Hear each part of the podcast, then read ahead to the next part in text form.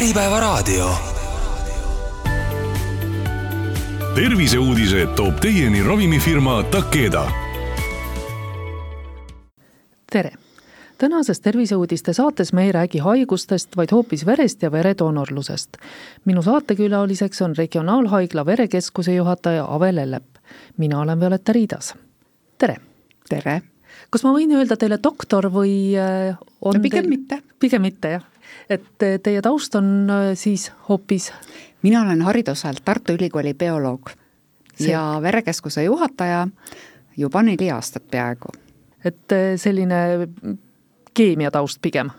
ikka bioloogia, elus, loodus ja kaasa arvatud inimene ja veri.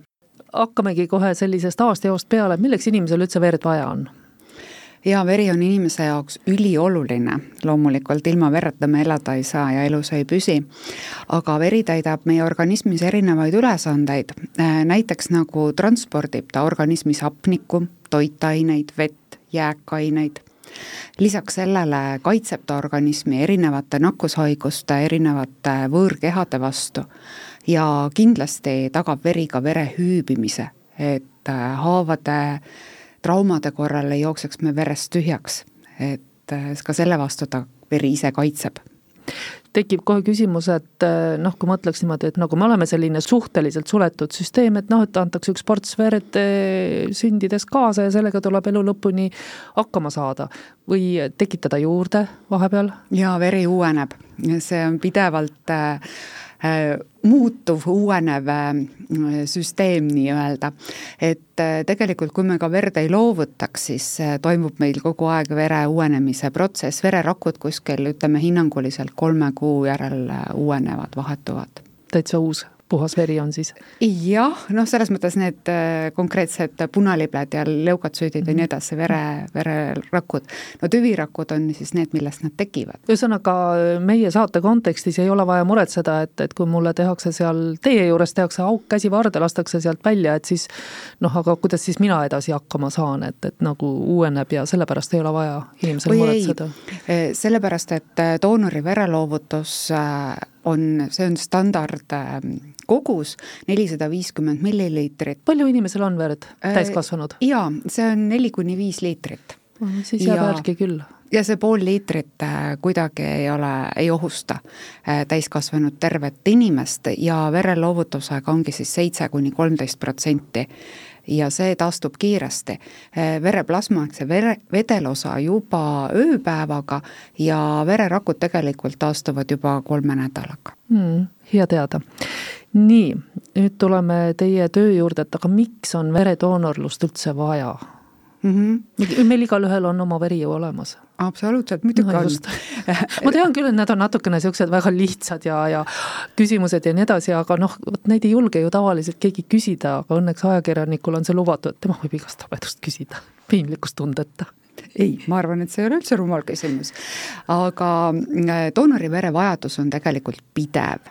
Äh, sellepärast, et Eesti haiglates tehakse iga päev patsientidele vereülekandeid ja doonoriverest valmistatud erinevaid verepreparaate kasutataksegi operatsioonidel, sünnitustel, erinevate haigustega patsientide ravis, näiteks nagu maksahaigused, rasked traumad, kehv veresus, põletused ja üldse paljud teised haigused. aga ma arvan, et kõige vähem teatakse sellest, et tegelikult kõige rohkem vereülekandeid saavad onkoloogilised patsiendid ehk need, kellel on siis vähihaiged, kes saavad keemiaravi ja, ja kindlasti ka siis erinevate verehaigustega või hüübimisprobleemidega patsiendid Mhm.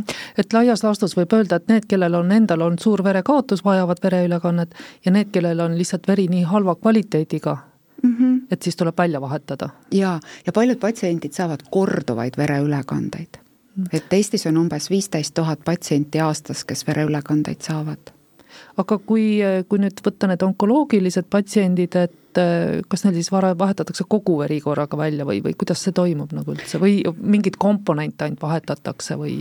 just, et äh, tänapäeval äh, vereteenistus, transfusioonmeditsiinis, vereteenistuses on, on kasutusel just komponentteraapia. Ehk see täisveri, mis doonorilt saadakse, see jagu-, jagatakse osadeks, komponentideks.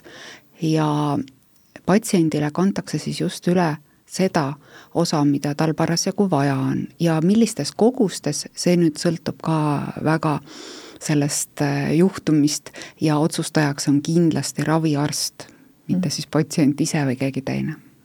mis komponentideks see veri jagatakse mm? -hmm. täisveri eh, jagatakse verekeskuses, meie tootmisosakonnas, siis eh, spetsiaalsete seadmete abil laias laastus kolmeks, punalibledeks ehk siis erütrotsüütideks. Nemad teevad mida siis veres? Nemad on vererakud, mis transpordivad just siis hapnikku ja kudedest siis taga kopsudesse süsihappegaasi. Nemad annavadki verele siis punase värvuse, sest sisaldavad suures koguses hemoglobiini ja hemoglobiini keskseks nagu elemendiks on raud, mis annabki selle punase varvuse, mida rohkem rauda, seda punasem veri mm. -hmm. siis äh, ehk see on siis see punaveri.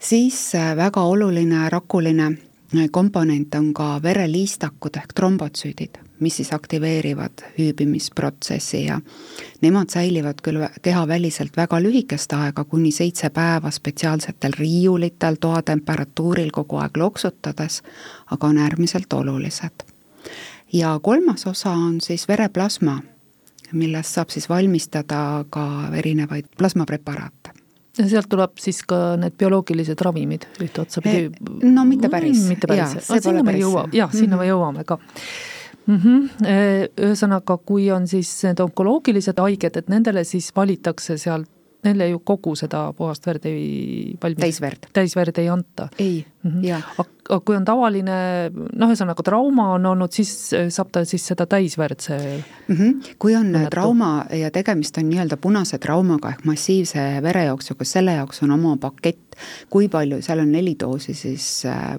punaverd, on trombotsüüdid, plasma, et see on äh, kindla ravijuhise järgi kindel skeem et päris nii ei nii. ole, et, et võetakse, doonorilt võetakse kotitäis verd ja riputatakse siis sellele oi, sellist äh, otse, otse doonorilt patsiendile ühendust kindlasti enam ammu ei ole.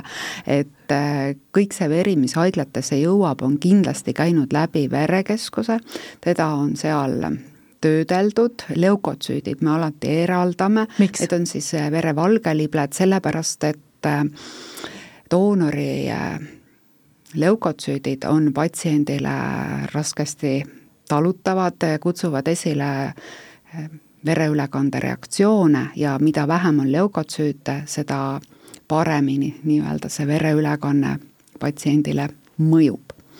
ja tuleme, ma, ma saan aru, et ma kogu aeg hagin teid ja küsin igasuguseid imelikke asju, milleks neid leukotsüüte veel vaja on?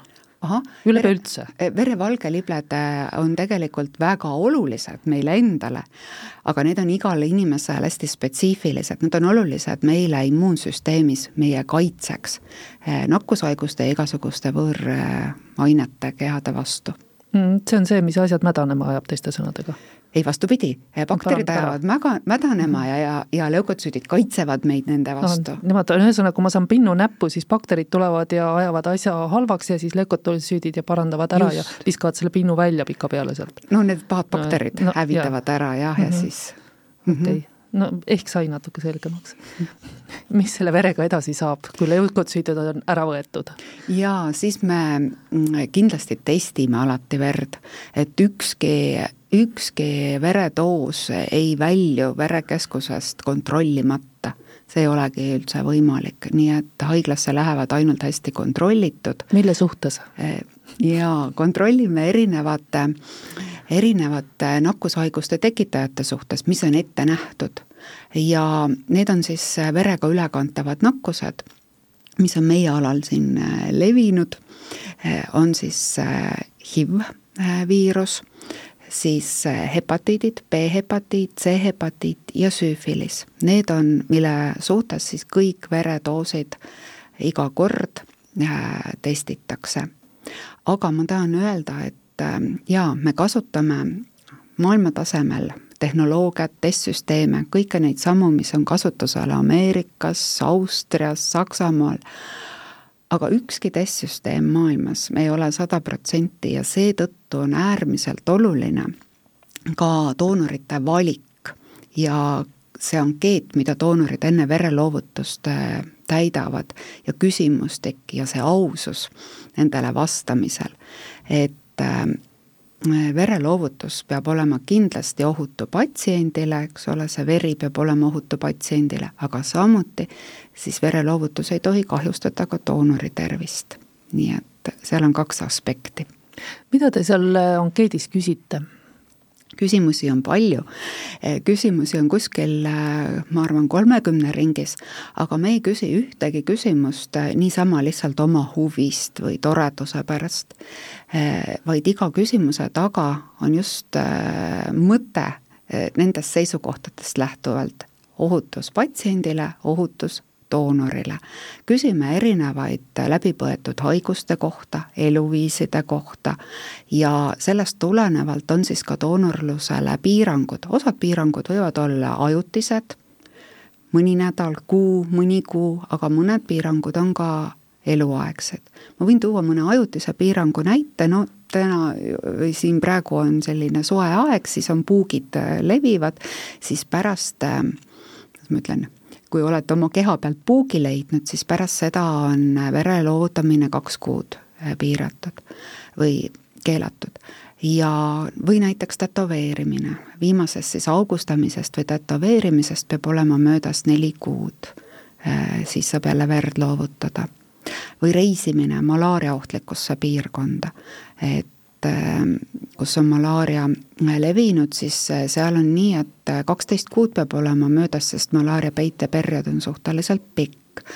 aga kui me, doonor annab malaaria suhtes nagu analüüsi, siis see lüheneb nelja kuu peale. selge.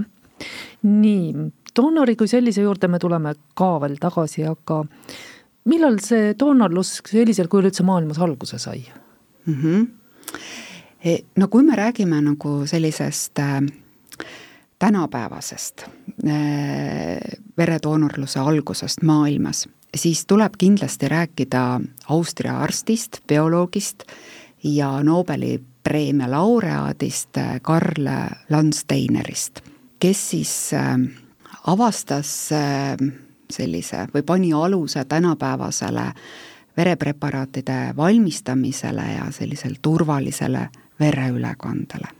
nimelt äh, segas ta siis seal tuhande üheksasajandate aastate alguses äh, kokku omavahel erinevate inimeste veresid ja märkas, et äh, osadel juhtudel vered kuidagi moodustavad selliseid klompe, lähevad tükki, aga teistel juhtudel seda ei juhtu. ja sealt edasi jõudis ta siis selleni, et kirjeldas inimesel veregrupi süsteemi, mida me nimetame siis AB0 süsteemiks. ja ta kirjeldas esialgu siis kolme veregruppi, A, B ja null, aga mõne aasta pärast siis veel neljanda AB veregrupi ja läks mööda siis veel nelikümmend aastat, kui äh, ta avastas või noh, kirjeldas eh, siis veel teise eh, veregrupi süsteemi, mis on vereülekande puhul eriti oluline, see on siis RH või see reesusfaktor, reesussüsteem, eh, mille suhtes siis inimesed võib jagada positiivseteks ja negatiivseteks. ja tõesti,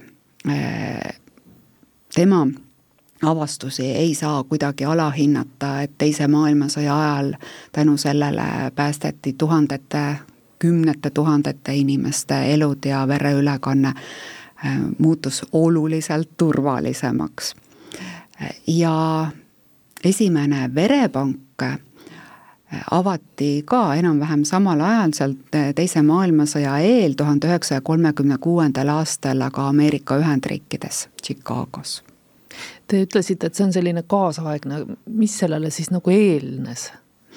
või on seda üldse nagu kuskil nagu uuritud ajaloos? no ikka ajaloolased on seda kirjeldanud ja eks veri on niisugune müstiline, et äh, sellega on seotud palju erinevaid müüte ja, ja ja neid vereülekandeid on tehtud äh, tuhandeid aastaid juba ka varem ja, ja on üritatud ka inimesele üle kanda loomade verd, kuid äh, ega need varasemad vereülekanded äh, ei olnud enamasti edukad.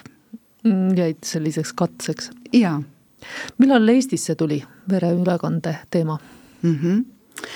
Eestis sai äh, vereteenistus alguse Teise maailmasõja ajal kui äh, doktor Herman-Paul Rossmanni eestvedamisel loodi siis Tallinna Keskhaigla juurde vabariiklik vereülekandejaam.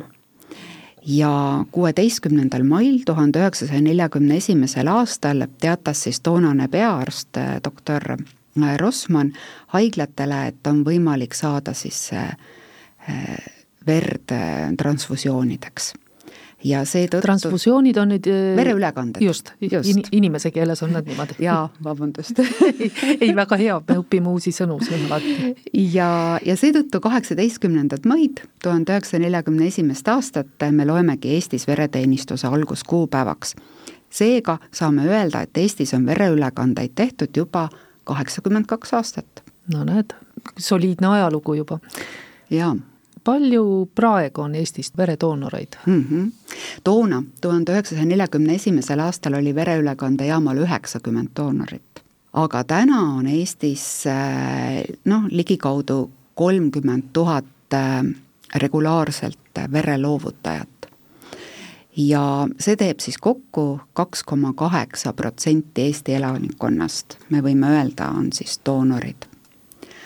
ja kui me vaatame nüüd äh, lähemalt Äh, doonorite kogukonda, siis kes on need inimesed, kes verd loovutavad?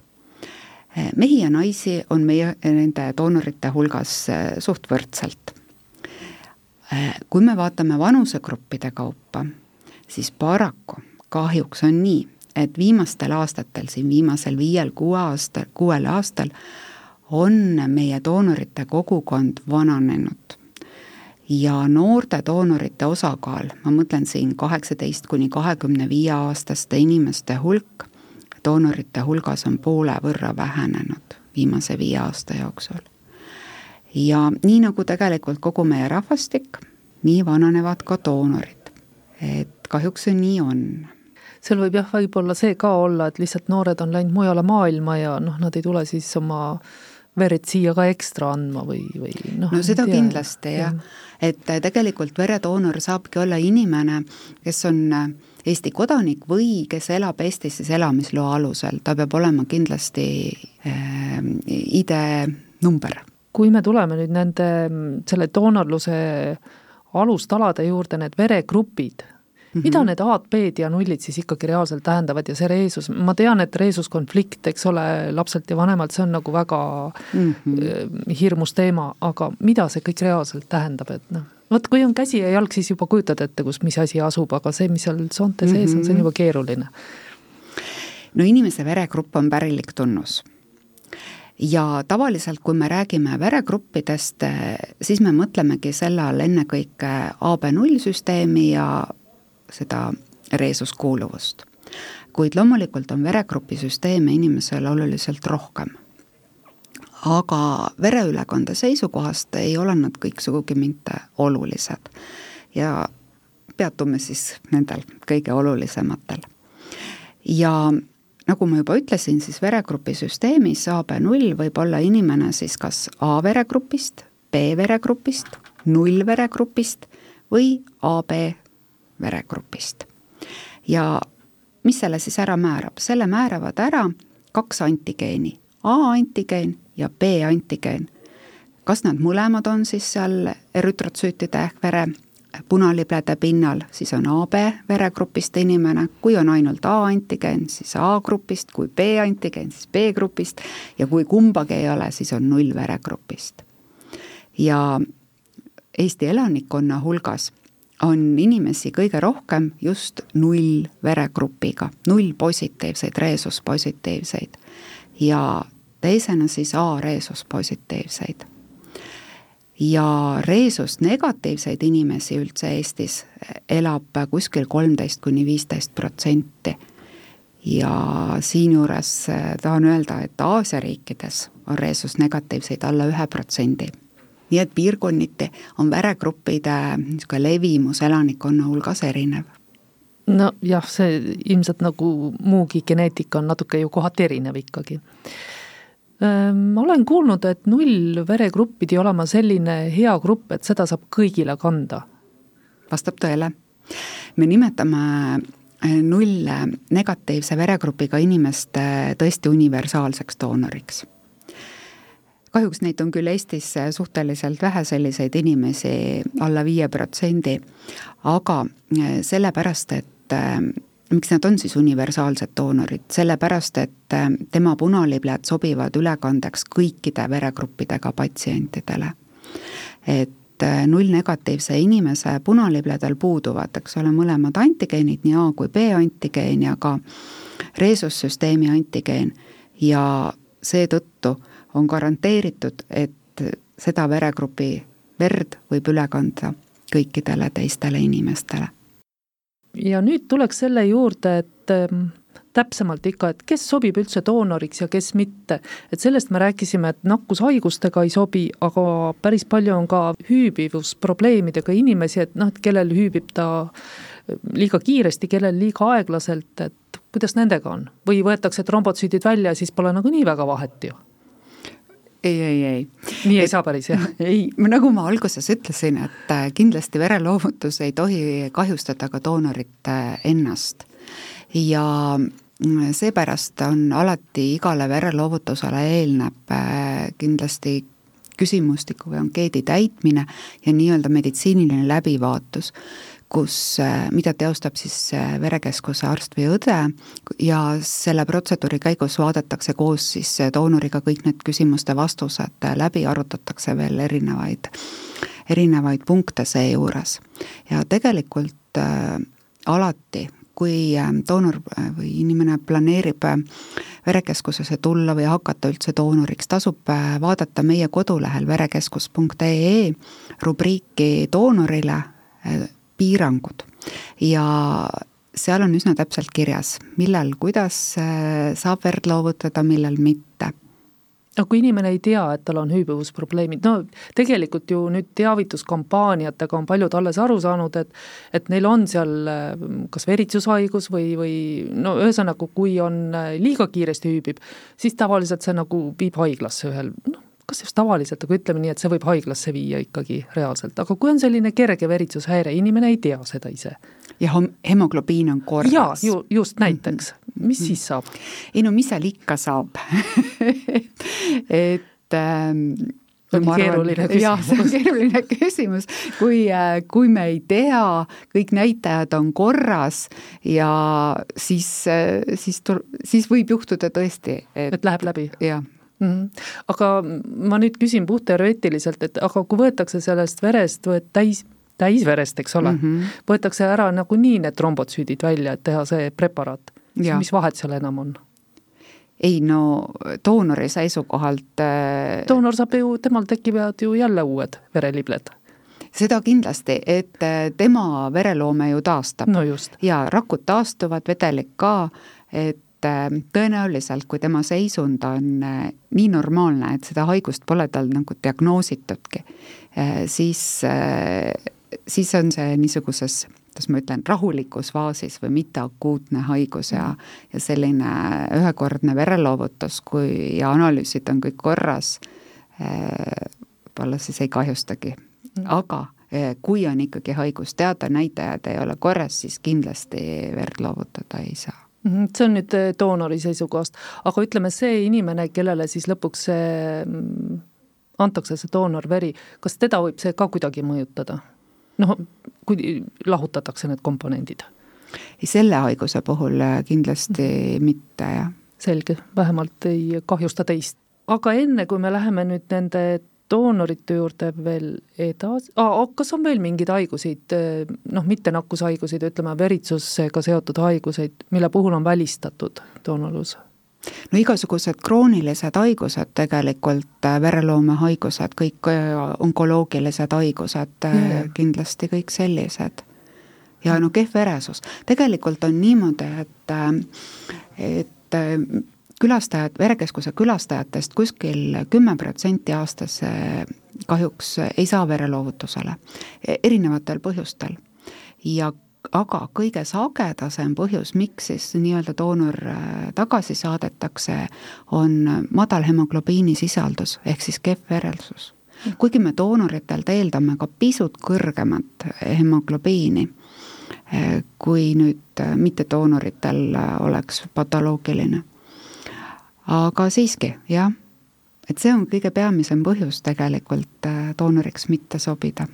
Selge, see on muidugi natuke teise saate teema juba, et miks on äh, vere hemoglobiini tase madal ja, ja miks me ei saa piisavalt rauda ja nii edasi. aga kui see veri on nüüd äh, kätte saadud doonori käest, ta on äh, selle tiheda sõela läbinud, mis selle verega selles mõttes, kuidas teda siis ikkagi hoitakse, et ta säiliks või kaua ta säilib? mm. -hmm. nagu me juba saate alguses rääkisime, et äh, me jagame vere komponentideks, osadeks ja need vere erinevad osad säilivad ka erinevalt. et vere mm, punaliblesid ehk seda punaverd säilitatakse siis külmikus, äh, külmkapi temperatuuril ja kuni kolmkümmend viis päeva. Trombotsüüte ehk vereliistakuid Nemad on üsna nõudlikud, neid säilitame toatemperatuuril spetsiaalsetes kappi, kappides pidevalt äh, loksutades ja kuni seitse päeva kõigest. ja vereplasma, teda me säilitame sügavkülmutatult ja kuni kolm aastat. Hmm kuidas sellega on, et no ühtepidi on ju kurb, kui seda verd peab kõike kasutama, aga palju teil ka raisku läheb? või kõik läheb ära, midagi ei lähe raisku mm? -hmm. verekeskus peab äh, tagama äh, varud äh, nii siis plaaniliseks vereülekanneteks kui ka siis erakorralise, korralisteks situatsioonideks. ja ilmselge on, on see, et et sellisteks olu-, selliseks erakorraliseks tööks varude säilitamisel äh, võib tekkida ja tekivad ka teatud siis äh, kulud, aga meie eesmärk on kindlasti koguda äh, võimalikult nii vähe kui võimalik ja väljastada siis haiglatele sellest kogutud verest nii palju, kui, äh, kui vajalik. Ja tegelikult me alustame iga oma tööpäeva sellega, et me vaatame üle oma verevarude seisu, meil on siis välja töötatud veregruppide põhiselt optimaalsed varud, me jälgime haiglate tellimusi, patsientide vajadusi. Ja vastavalt sellele iga päev korrigeerime siis pisut oma tegevust ja verd ju kantakse üle veregrupi põhiselt, seetõttu me kogume ka veregrupi põhiselt ja jälgime oma varusid niisamuti nendest samadest veregruppidest, millest ennem juttu oli, nende põhiselt.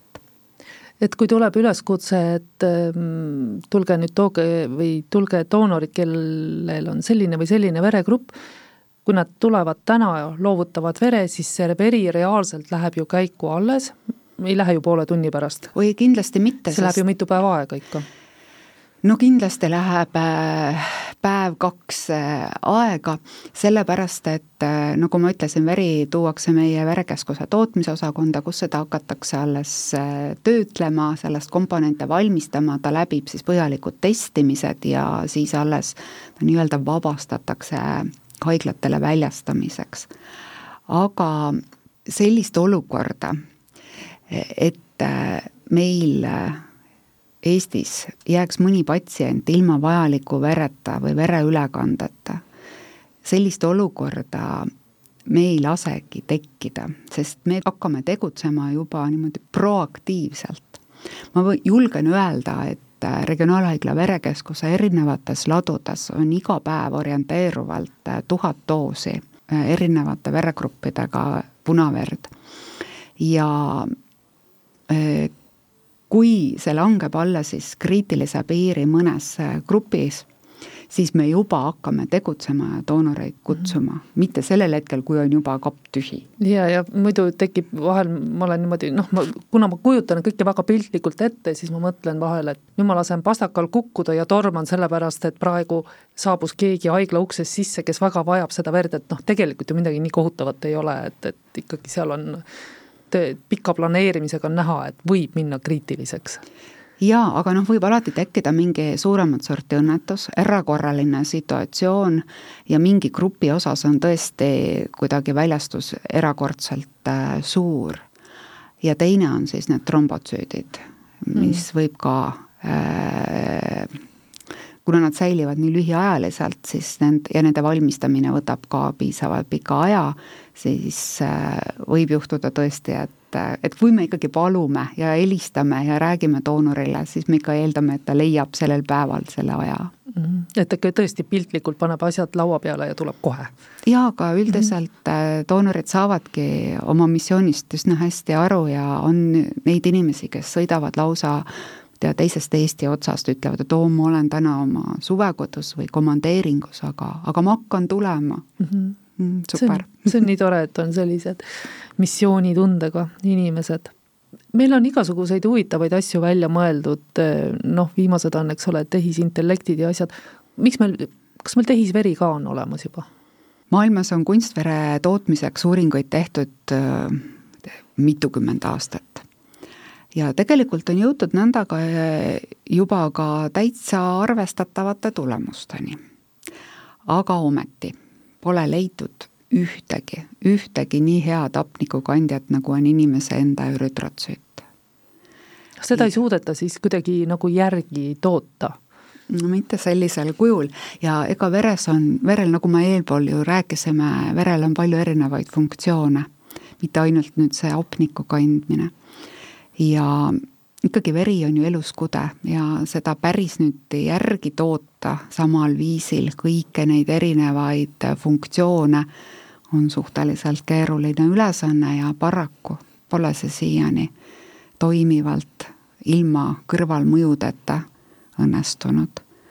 nii et kahjuks pean ma tõesti ütlema, et äh, täna ja ma arvan ka lähimatel kümne-kahekümne aasta jooksul on vere ainsaks allikaks ikkagi teine inimene jah, ja ühesõnaga, kui nüüd lingvistiliselt läheneda, siis veri ei ole mitte mis, vaid kes. see on nagu selline juba nagu paradigma muutus ka minu jaoks. no see on veri on nagu ükskõik milline kude, eks ole, nagu nahk või jah, vaatasin Verekeskuse kodulehel natuke ringi ja siis mul jäid sealt sellised paar terminit silma üks oli täisveri, noh sellest me rääkisime, sellest enam-vähem nagu juba saab aru, eks ole, aga siis oli teine tore asi, olid külmad trombotsüüdid, noh kohe tekkis küsimus, et aga kus on soojad trombotsüüdid? mis asi see on selline? ja, ja et ei, tegelikult nii see täisveri kui äh, külmad trombotsüüdid, me võime seda nagu öelda nii, et äh, see on nii-öelda tootearendus mm. -hmm. Need on uued, uued veretooted või arendamisel veretooted ja ja nagu juba eelpool sai räägitud, äh, siis trombotsüüte kehaväliselt äh, me säilitame, eks ole, suht lühiajaliselt saame säilitada, sest need on suht tundlikud rakud ja, ja toatemperatuuril, spetsiaalses kapis, nii edasi ja ikkagi ainult seitse päeva. ja tegelikult äh, selline säilitamine põhjust, ongi siis nagu verekeskustele suhteliselt äh, keeruline väljakutse tagada see trombotsüütide piisav varu. ja siin ongi siis võib-olla äh, siis heaks äh, lahenduseks trombotsüütide külmutamine. kui külmaks nad siis külmutatakse? on erinevad meetodid, võib lausa sügavkülmutada ja sel viisil siis säilivusaega pikendada, aga paraku on siis selgunud, et nendel see külmutamine põhjustab ka siis trombotsüütide eh, aktiivsuses ja mm, omadustes siis mitmesuguseid muutusi.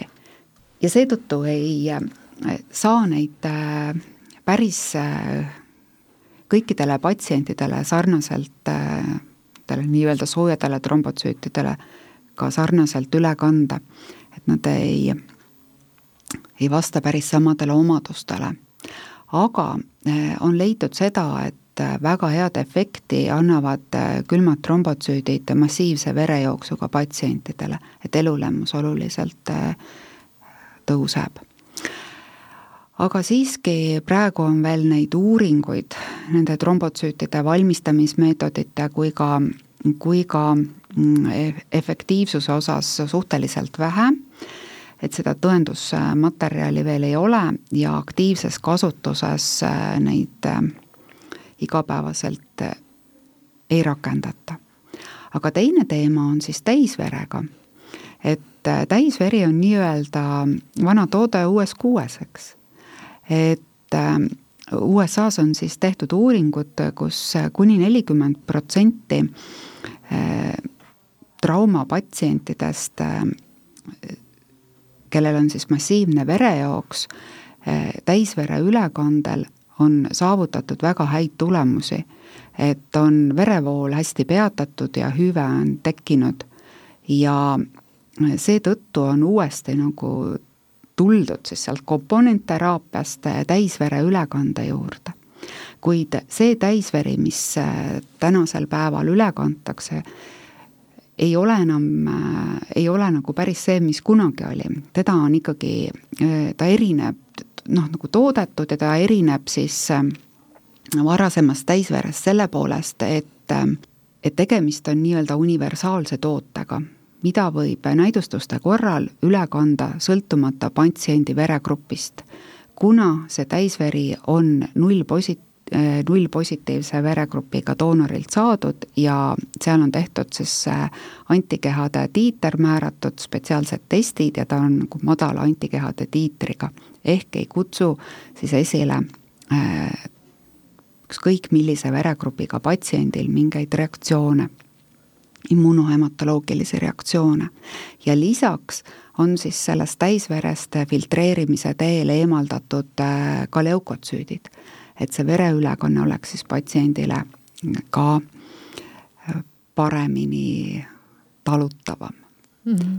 selline uus toode, mis tegelikult äh, on nüüd ka meil Eestis kohe-kohe ka kasutusele tulemas regionaalhaiglas ja kes oleks regionaalhaiglas siis see põhiline, see patsient, kes seda vajab, ikkagi trauma? trauma, raske trauma, punase traumaga patsient, nii-öelda raske trauma massiivse verejooksuga patsient ja see, sellisel juhul need täisveredoosid oleksid juba kas siis helikopteris, kiirabis, erakorralise meditsiini osakonnas, kuhu selline patsient kõigepealt satub ja et saaks kohe äh, verejooksu peatada ja, ja neid ülekandeid alustada. hiljem juba siis teised doosid, teised komponendid grupispetsiifilised. aga et see annab äh, väga head efekti tegelikult, seda on uuringud maailmas näidanud ma vist unustasin Eestiks küsida, et kui palju on reaalselt vaja pereülekannet, ütleme päevas, ütleme kuus? Eestis? Eestis. no kui on äh, viisteist tuhat patsienti, eks ole, kes siis Eestis kokku umbes keskmiselt igal aastal vereülekannet vajab. Ja me kogume Eestis äh, kuskil natuke üle viiekümne tuhande veredoosi, millest valmistatakse erinevaid komponente üle no kuskil saja tuhande ringis. Ja põhimõtteliselt su enamus neist, ütleme seal üle üheksakümne viie protsendi ju ka üle kantakse mm. -hmm. nii et see on sellised suurusjärgud. päris palju. aga kuidas pandeemia mõjus teie tööle? doonoreid jäi vähemaks mm, -hmm. juurde vist ilmselt ei tulnud? koroonakriisi algusaeg oli muidugi keeruline, no nii nagu kogu ühiskonnale, nii ka siis verekeskusele, vere kogumisele, doonoritele. aga sest polnud ka päris selge üldse, äh, kuidas see viirus levib, äh, kuidas töö haiglates jätkub, milline on verevajadus ja nii edasi. ja kas koroona läbi põdenud inimeselt võib ka verd võtta veel tagatipuks ilmselt? just, ja küsimus tekkis ka pärast vaktsineerimisel ja nii edasi. aga tegelikult täna tagantjärgi hinnates saime me üsna kenasti hakkama ja mingit verepuudust kui sellist ei tekkinud. ja viimasel aastal juba, ehk siis seal kahekümne esimesel, kahekümne teisel aastal oli töö üsna tavapärane juba mm, -hmm. väikeste erandite ja erisustega ainult. doonoreid vähemaks ei jäänud selle ajaga? märkimisväärselt? märkimisväärselt, meil Eestis tõesti mitte. seda on meie väliskolleegid ka küsinud, et kuidas te selle suutsite saavutada, ma ei tea. et tegelikult võib-olla pisut humoorikas isegi, aga see oli kahekümnenda aasta kevadel kui oli kõik tõesti hästi blokeeritud, keegi kuskil käia õieti ei saanud ei tööl, ei kuskil mujal, siis verekeskuses tohtis käia, verd loovutada sai ja me teatavasti ju pakume doonoritele pärast ka kohvi ja küpsist ja selline väike puhkeala on. siis me saime päris palju selliseid kõnesid ka, et aa, kas verekeskus on lahti? väga hea. Äh, kas tohib tulla? jaa, tohib tulla. selge, ma siis tulen, on vähemalt kuhugi tulla. ja saab kohvi juua nagu kohvikus. ja siis ka paljud doonorid ei tahtnud hästi ära ka minna, istusid seal, jutustasid, kõigil oli nii tore olla. ja siis, kui äh, see nagu lockdown lõppes suvel mm, -hmm. ühel hetkel läksid nii-öelda elu lahti, ilmad läksid ka ilusaks ja vot siis kadusid äkki doonorid ära kõik olid kuskil üritustel, siis vahest mõne, kui me helistasime oh,, ma ei teagi, ma olen täna seal ja siis, et oi, ma eile jõin seda alkoholi ja toda ja siis tegelikult tekkis meil hoopis vastupidine efekt sellel mm. ajal mm. -hmm. aga miks, kui te nüüd niimoodi lõpetuseks ütleksite, et noh, nüüd, kui on ka mujal aega veeta kui doonorite ühesõnaga, kui verekeskuses, siis miks inimene peaks tulema veredoonoriks, ühesõnaga, kui tal on nagu kõik tervis lubab seda mm? -hmm. kui äh, inimesel äh, mingeid vastunäidustusi vereloovutusele ei ole, e, siis äh, mis, mis peaks siis olema see motivaator? ma arvan, et äh, peamine motivaator on see, et äh, tegelikult verd loovutades see on väga lihtne viis aidata teisi inimesi, aidata abivajajaid, päästa inimeste elusid. selleks ei olegi vaja õppida arstiks, teha midagi väga keerulist. lihtsalt loovuta verd ja üks veredoos päästab kolme inimese elu mm.. sellega on ilus lõpetada siin. selline sai seekordne Terviseuudiste saade rääkisime verest ja veredoonorlusest ja minu saatekülaliseks oli Regionaalhaigla verekeskuse juhataja Ave Lellep saadet juhtis Violetta Riidas. tänan kuulamast!